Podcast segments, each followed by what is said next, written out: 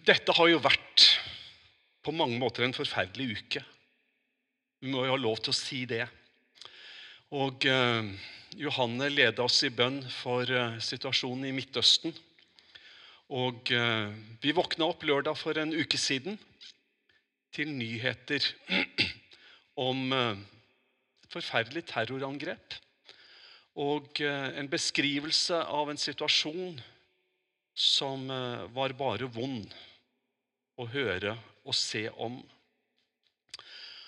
Og Siden da så har jeg gått og tenkt på hva jeg skulle dele med dere denne søndagen. Og eh, det har jo vært lite grann ved tanke på det som vår verden står overfor. Og eh, jeg har satt en liten overskrift. Å hate det onde og å elske sin fiende.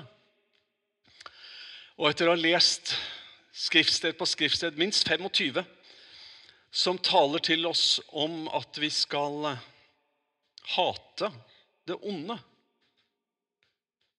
så bestemte jeg meg for å ta utgangspunkt i ett av de i Salme 97, 10, som gir noe av denne hva skal vi si, denne motsetningen som er så vanskelig for oss å få til.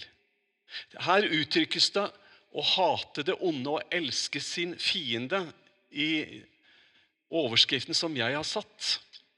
Men i Salme 97 så møter vi noe av det samme, selv om da er det ikke en fiende det er snakk om. Men der står det 'Hat det onde, dere som elsker Herren'. Og For oss så er det vanskelig å kunne bære på to følelser samtidig.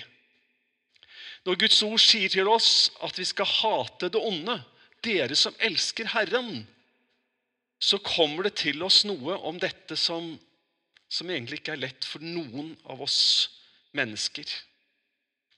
Og eh, vi vet jo terroren har igjen ramma Israel og jødene. Og eh, vi har sett bilder som egentlig ingen av oss ønsker å se. Jeg skjermer meg fordi jeg kjenner at jeg orker ikke. Og Så kan man kanskje bebreide en for at det er det minste man kunne gjøre. Det var å orke å se.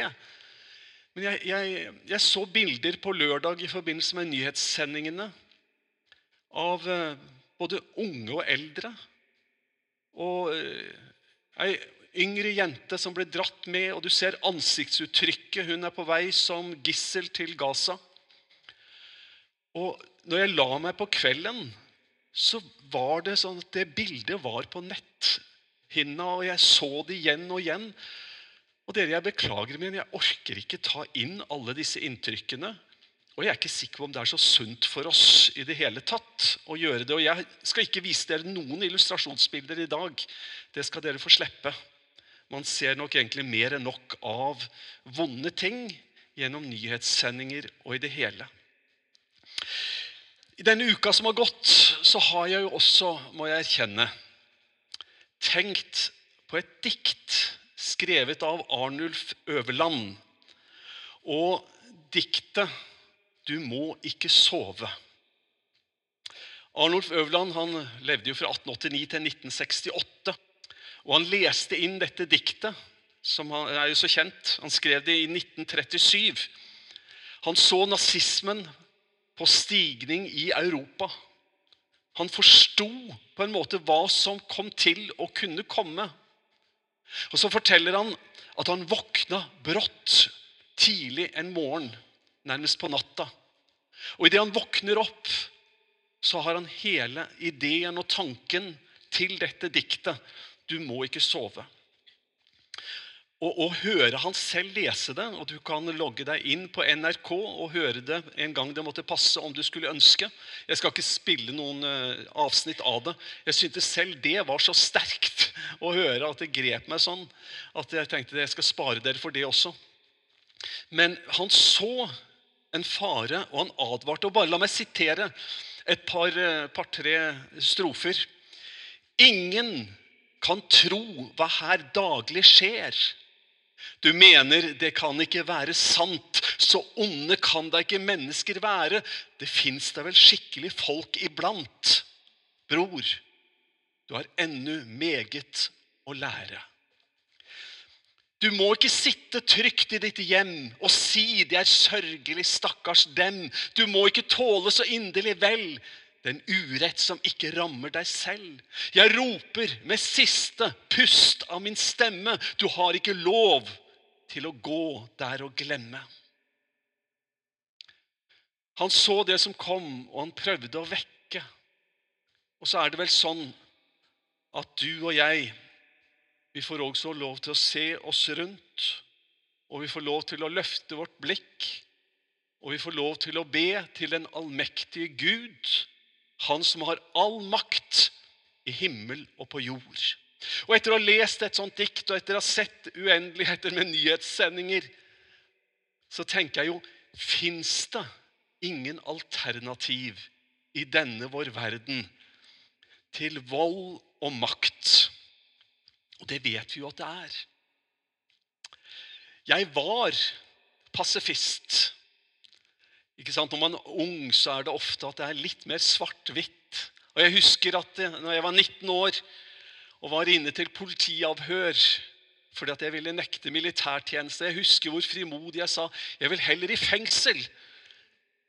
Sitter gjerne 16 måneder hvis det er det det er snakk om, framfor å eh, gå i militærtjeneste.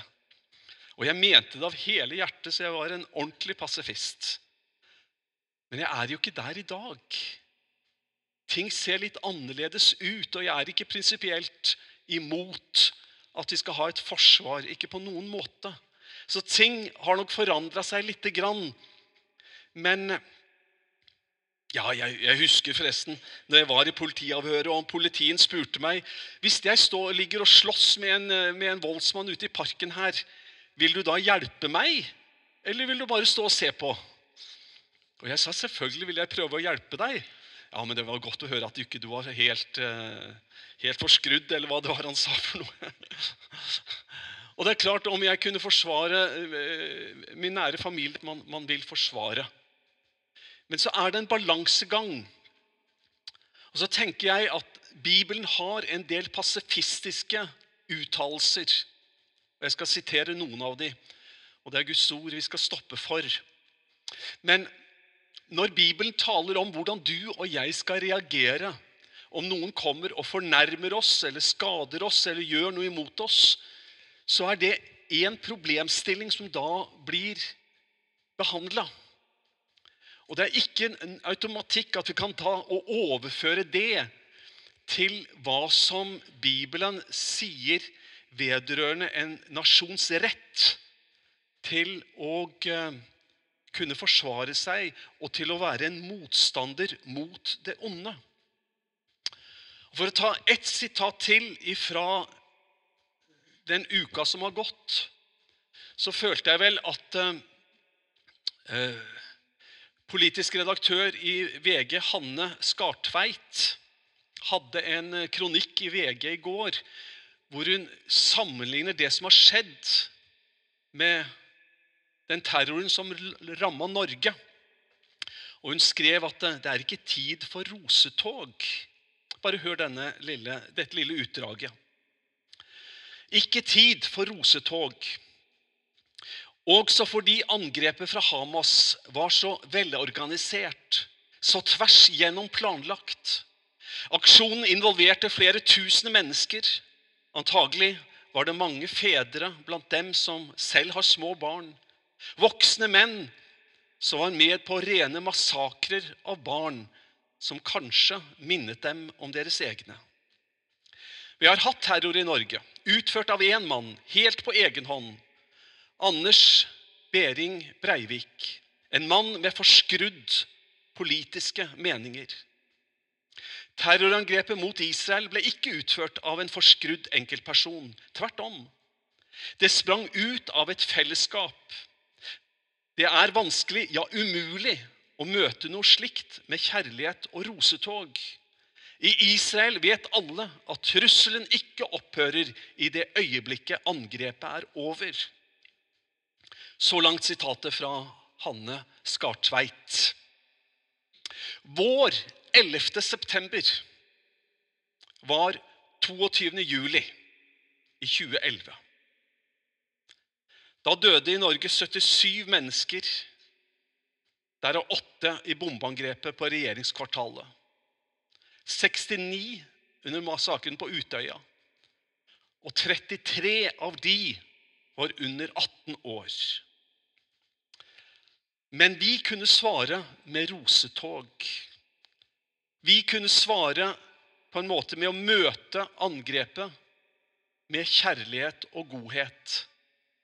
Og som Hanne Skartvedt sier det er vanskelig, ja umulig, å møte noe slikt med kjærlighet og rosetog. I Israel vet alle at trusselen ikke opphører i det øyeblikket angrepet er over. Og det er den store forskjellen. Og når, når da Skartvedt sier vi kan ikke møte det med rosetog, så er mitt spørsmål er det da bare vold?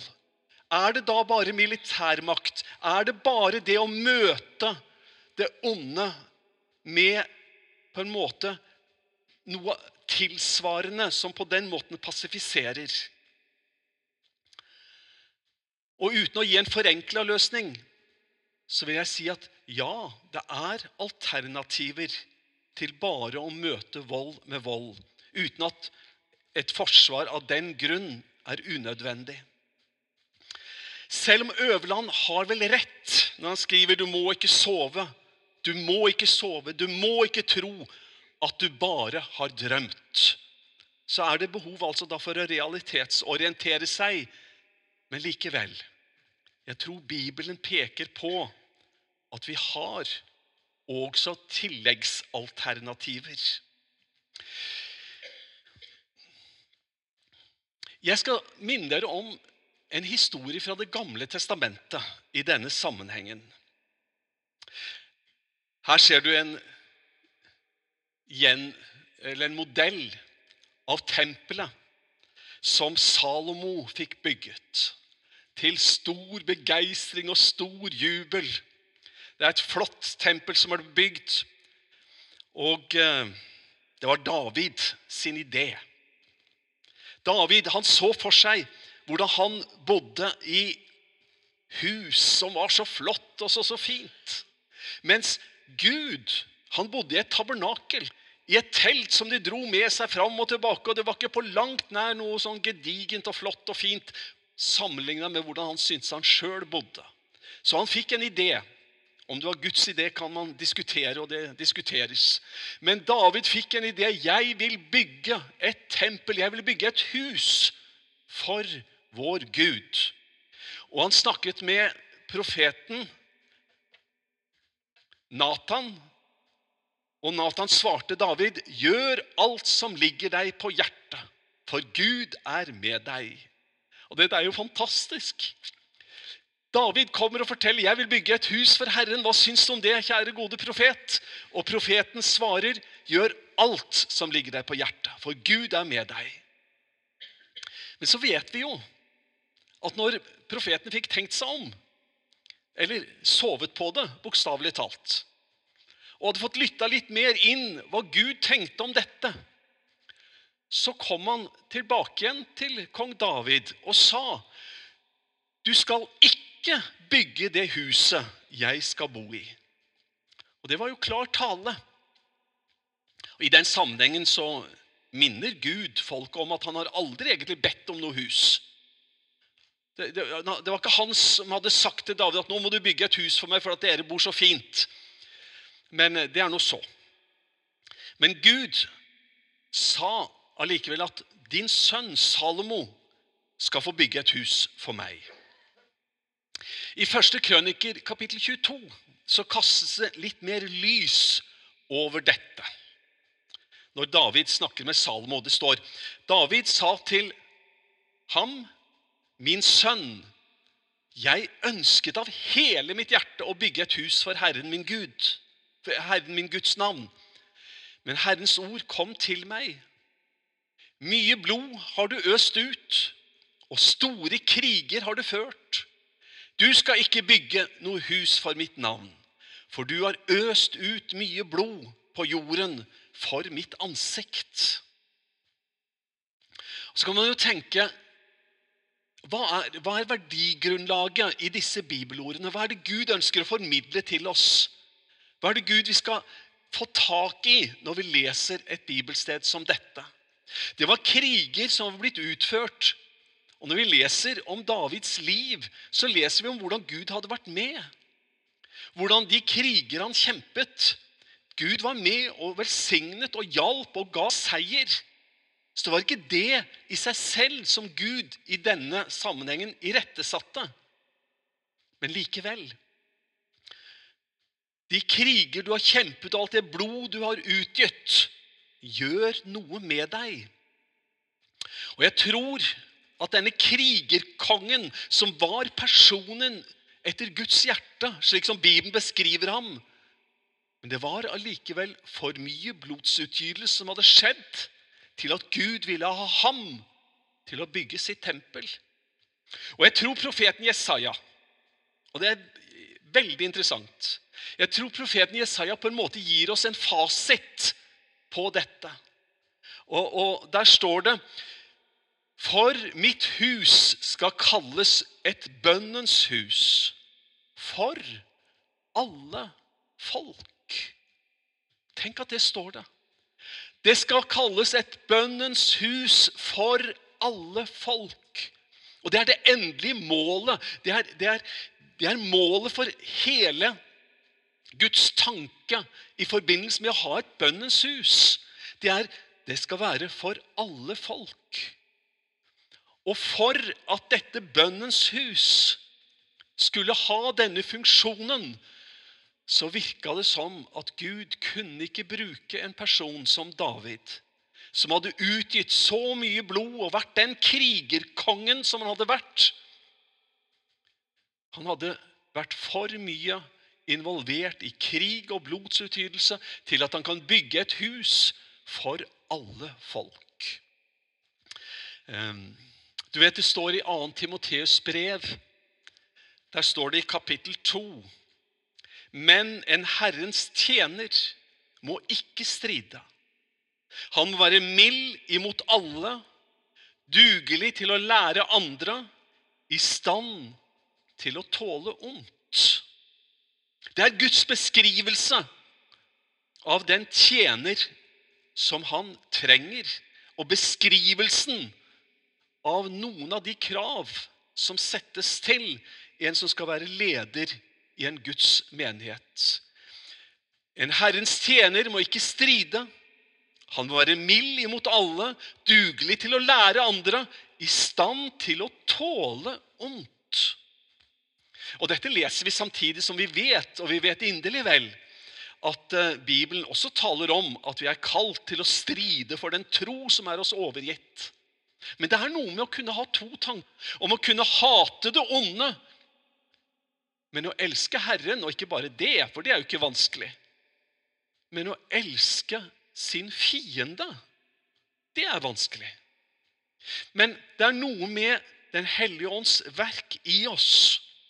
Og jeg må sitere ifra Ordspråkene kapittel 4, der det står i vers 23.: Bevar ditt hjerte fremfor alt du bevarer, for livet går ut fra det. Ehm, teologene argumenterer for at hjertet i denne sammenhengen er vår munn. Altså, altså det vi sier. Og det er sikkert rett, siden språkspesialisten og hermenutikerne, ekspertene på fortolkninger, sier at det er det det betyr. Så det betyr sikkert det. At bevar ditt hjerte fremfor alt som kan bevares, har noe å gjøre med Bevar det du sier. Bevar din munn. Men jeg tror også, på tross av det, at det har en dypere mening. At det har noe med vårt indre å gjøre. Det har noe med vår, vår sjelsliv. Om hvordan vi lar det preges og formes av det som skjer rundt oss. Og tilbake igjen til alle nyhetssendingene som har vært den siste uka, og dere med skrekk. Alle nyhetssendingene som kommer de kommende ukene. Så tror jeg at Gud har en hilsen til oss.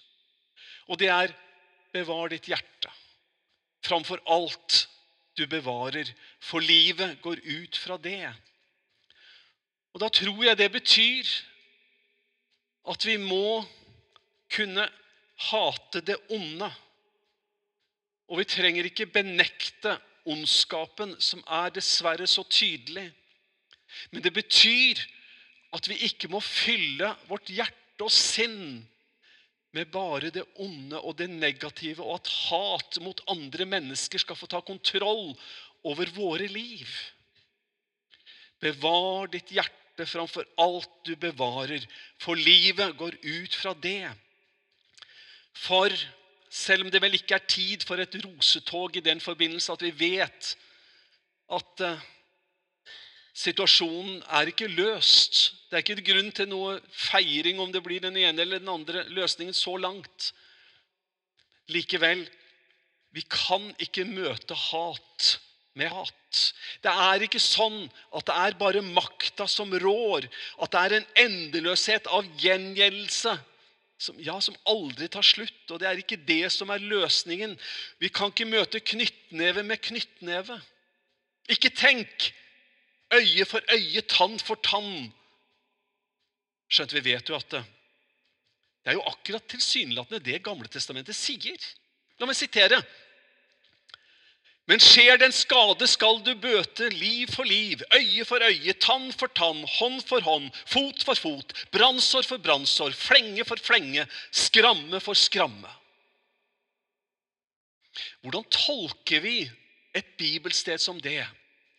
Og hva tenker vi at dette Guds ord, for det er det det er Hva tenker vi at dette Guds ord skal skape i oss av holdninger og verdier? Selvfølgelig så var det ikke slik Gud mente det. Sånn som vi på en lett måte kan bare tolke det og tenke at å ja, det er sånn det gjør. Hvis noen kommer og er uheldig og brekker min finger, så skal jeg ta tak og brekke hans finger. Sånn skal det være. Det var et misjonærektepar. Jeg kjenner det ikke personlig, bare lest om det. De var på reise i India, ble utsatt for en ulykke. Kjørte på et lite barn som omkom. Og eh, foreldrene kom, fikk tak i et av misjonærbarna og drepte det der og da. Og da var det greit. Øye for øye. Er det, er det den type verdier som dette bibelordet formidler? Selvfølgelig er det ikke det. Gud har aldri ment det sånn. Det er en forferdelig fortolkning av et bibelord som kommer i en helt annen sammenheng, men som lærer oss allikevel noe. Jeg tenker at dette bibelordet taler klart om at det skal være en, en forholdsmessighet. Men som man tidligere, Hvis en liten ting skjedde, så kunne man overreagere. Og den som hadde makta, kunne overreagere noe så kolossalt. Så egentlig er jo dette bibelordet en, en, en irettesettelse av det som kunne defineres som en overvekt av vold og skade. Det er, det er et system for å få et samfunn til å kunne fungere på den, på den, i den tiden som dette ble skrevet. Men du vet jo at Gud ikke mente det sånn. For Jesus tok jo nettopp dette bibelstedet og sa dere har hørt det er sagt, øye for øye og tann for tann. Men jeg sier dere, sett dere ikke mot til motverge mot den som gjør ondt mot dere. Og noen slår deg på høyre kinn, så vend også det andre til. Vil noen saksøke deg og ta skjorten din, så la han få kappen også. Om noen tvinger deg til å følge med én mil, så gå to med ham. Gi til den som ber deg, og vend deg ikke ryggen til den som vil låne av deg. Dette bibelstedet kan også mistolkes til det absurde. Selvfølgelig kan det det. Men Jesus sier, 'Men jeg sier dere'. Og så kommer dette radikale budskapet om at man skal ikke møte hat med hat. Man skal ikke ta igjen og ha en revansje. Man skal ikke opprette, oppbygge igjen sin egen ære. Og I denne sammenhengen så gir jo Jesus oss egentlig tre lignelser som jeg tenker er vel verd å reflektere over. Jesus han sier Om noen slår deg på høyre kinn, så vend også det andre til. Vil noen saksøke deg og ta skjorten din, så la han få kappen også. Og disse, Om noen tvinger deg til å følge med én mil, så gå to mil med ham. Jeg skal ikke bruke tid på å legge ut disse tre lignelsene, eller du vil kanskje si tre eksemplene. Men eh, bare en liten betraktning for det første. Eh, om noen slår deg på høyre kinn, så vend også det andre til. Tenk om det ikke er tilfeldig. Tenk om, tenk om det er forskjell på høyre og venstre kinn. Og det er jo det. Eh, venstre hånd var brukt til mer personlige hygieniske ting. Mens høyre hånden, den var det man brukte. Og for å fornærme noen som du ikke skulle slå helseløs, så kunne du slå dem på høyre kinnet deres. For da slo du med høyre hånd, og da ble det mer et klaps. Med, med rista på hånda di. Hvis noen slår deg på høyre kinn Og eh, eh, mange engelske oversettelser har skiller mellom slag og klaps i den sammenhengen. Ehm, men det, var nedverdigende, og det var gjerne fra en som var overordna i makt og posisjon. Og det hjalp ikke noe om vedkommende som ble slått, kunne tatt igjen. Men, men deres status var så forskjellig, så det var ydmykende. Du kunne behandle en slave på den måten. Slå på den måten. Og så kunne, du, kunne vedkommende da, ifølge Jesus vende det andre kinnet til. Og da, hvis du skal slå på venstre side, så blir det knyttneveslaget. Altså, Det Jesus vil ha fram, det er ikke at man bare skal stå der og la seg bli slått og ikke forsvare seg, men Jesus vil ha fram om at det skal skapes en grunn for refleksjon. Om noen saksøkere vil ta skjorta di, så la han, la han få kappa også. Eh, rekkefølgen på disse tingene kan variere litt av hvilket bibelsted du leser, men det er ikke poenget. Poenget er at hvis noen kommer og vil ha Hvis jeg det, jeg skulle tatt det på norsk i en, vår sammenheng Hvis noen kommer og vil ta T-skjorta di, så la han få underbuksa også. Det er egentlig det det står. Og så står vedkommende igjen naken, for du har tatt alt sammen. Hvilken vanære! Og det slår tilbake igjen på den som kommer for å ta liksom sitt. Der står han igjen. Og så kunne vi tatt og sitert fra Det gamle testamentet vanærelsen med det hele tatt. Å se noen mennesker uten klær. Og så ser man at Jesus bygger opp noe som på en måte slår tilbake igjen på den vedkommende. Det er, ikke, det er ikke en undervisning om at vi aldri skal ha rett til å forsvare oss, men det er å møte noe på en annen måte. Det samme det siste også, om noen tvinger deg til å gå én mil, så gå to. Og Den har mange sider med seg, akkurat den uh, fortellingen som jeg ikke skal gå inn på nå. Men poenget er Jesus løfter fram et alternativ, der det er mulig, til vold og gjengjeldelse. Skap en situasjon med refleksjon der vedkommende har mulighet til å se realiteten av det som skjer. Og Da kan man ikke bare ta dette bibelordet og anvende det inn i enhver situasjon eller enhver krigssituasjon. Men vi står overfor med to forskjellige ståsteder. Øye for øye og tann for tann som det ene. Og det andre, om noen slår deg på høyre kinn, så vend også det andre til. Og Når vi ser de sånn satt opp som dette, og hører Jesus si 'Men jeg sier dere', så tror jeg vi, vi forstår og vi aner at Bibelen taler til oss om en annen vei enn bare å møte vold med vold og møte hat med hat. Og klarest så viste jo Jesus dette selv. Han viste det til det fullkomne. Det var en som ikke slo tilbake. En som ikke hadde en gjengjeldelsesplan. En som var villig til å se ut som den store taper. En som lot seg korsfeste i fornedrelse. En som viste oss en tredje vei. Du vet, Vi mennesker vi er skrudd sammen sånn at vi har lett for å tenke at vi skal enten angripe eller flykte eller resignere. Gi opp eller også rømme unna. Det er de to instinktene som kommer fort til oss. Men så er det jo sånn at det fins et tredje alternativ. Og det er den tredje veien. Og vi vet hva den veien egentlig heter. Første Korinterne kapittel 6 sier, 'Hvorfor lider dere ikke heller urett?' Hvorfor ikke heller lide tap? Her snakker man ikke om et lands rett eller plikt til å forsvare seg, men det er en tredje vei som er på en måte Ja, det er rett og slett evangeliet som er de gode nyhetene. Evangeliet det er gode nyheter på samme måte som at Jesus er gode nyheter for oss. Og det er jo det evangeliet betyr. Og jeg tenker for det første på nyhetssendingene, hvordan vi trenger gode nyheter. Men det er nå parentesen. Denne verden trenger å få høre gode nyheter.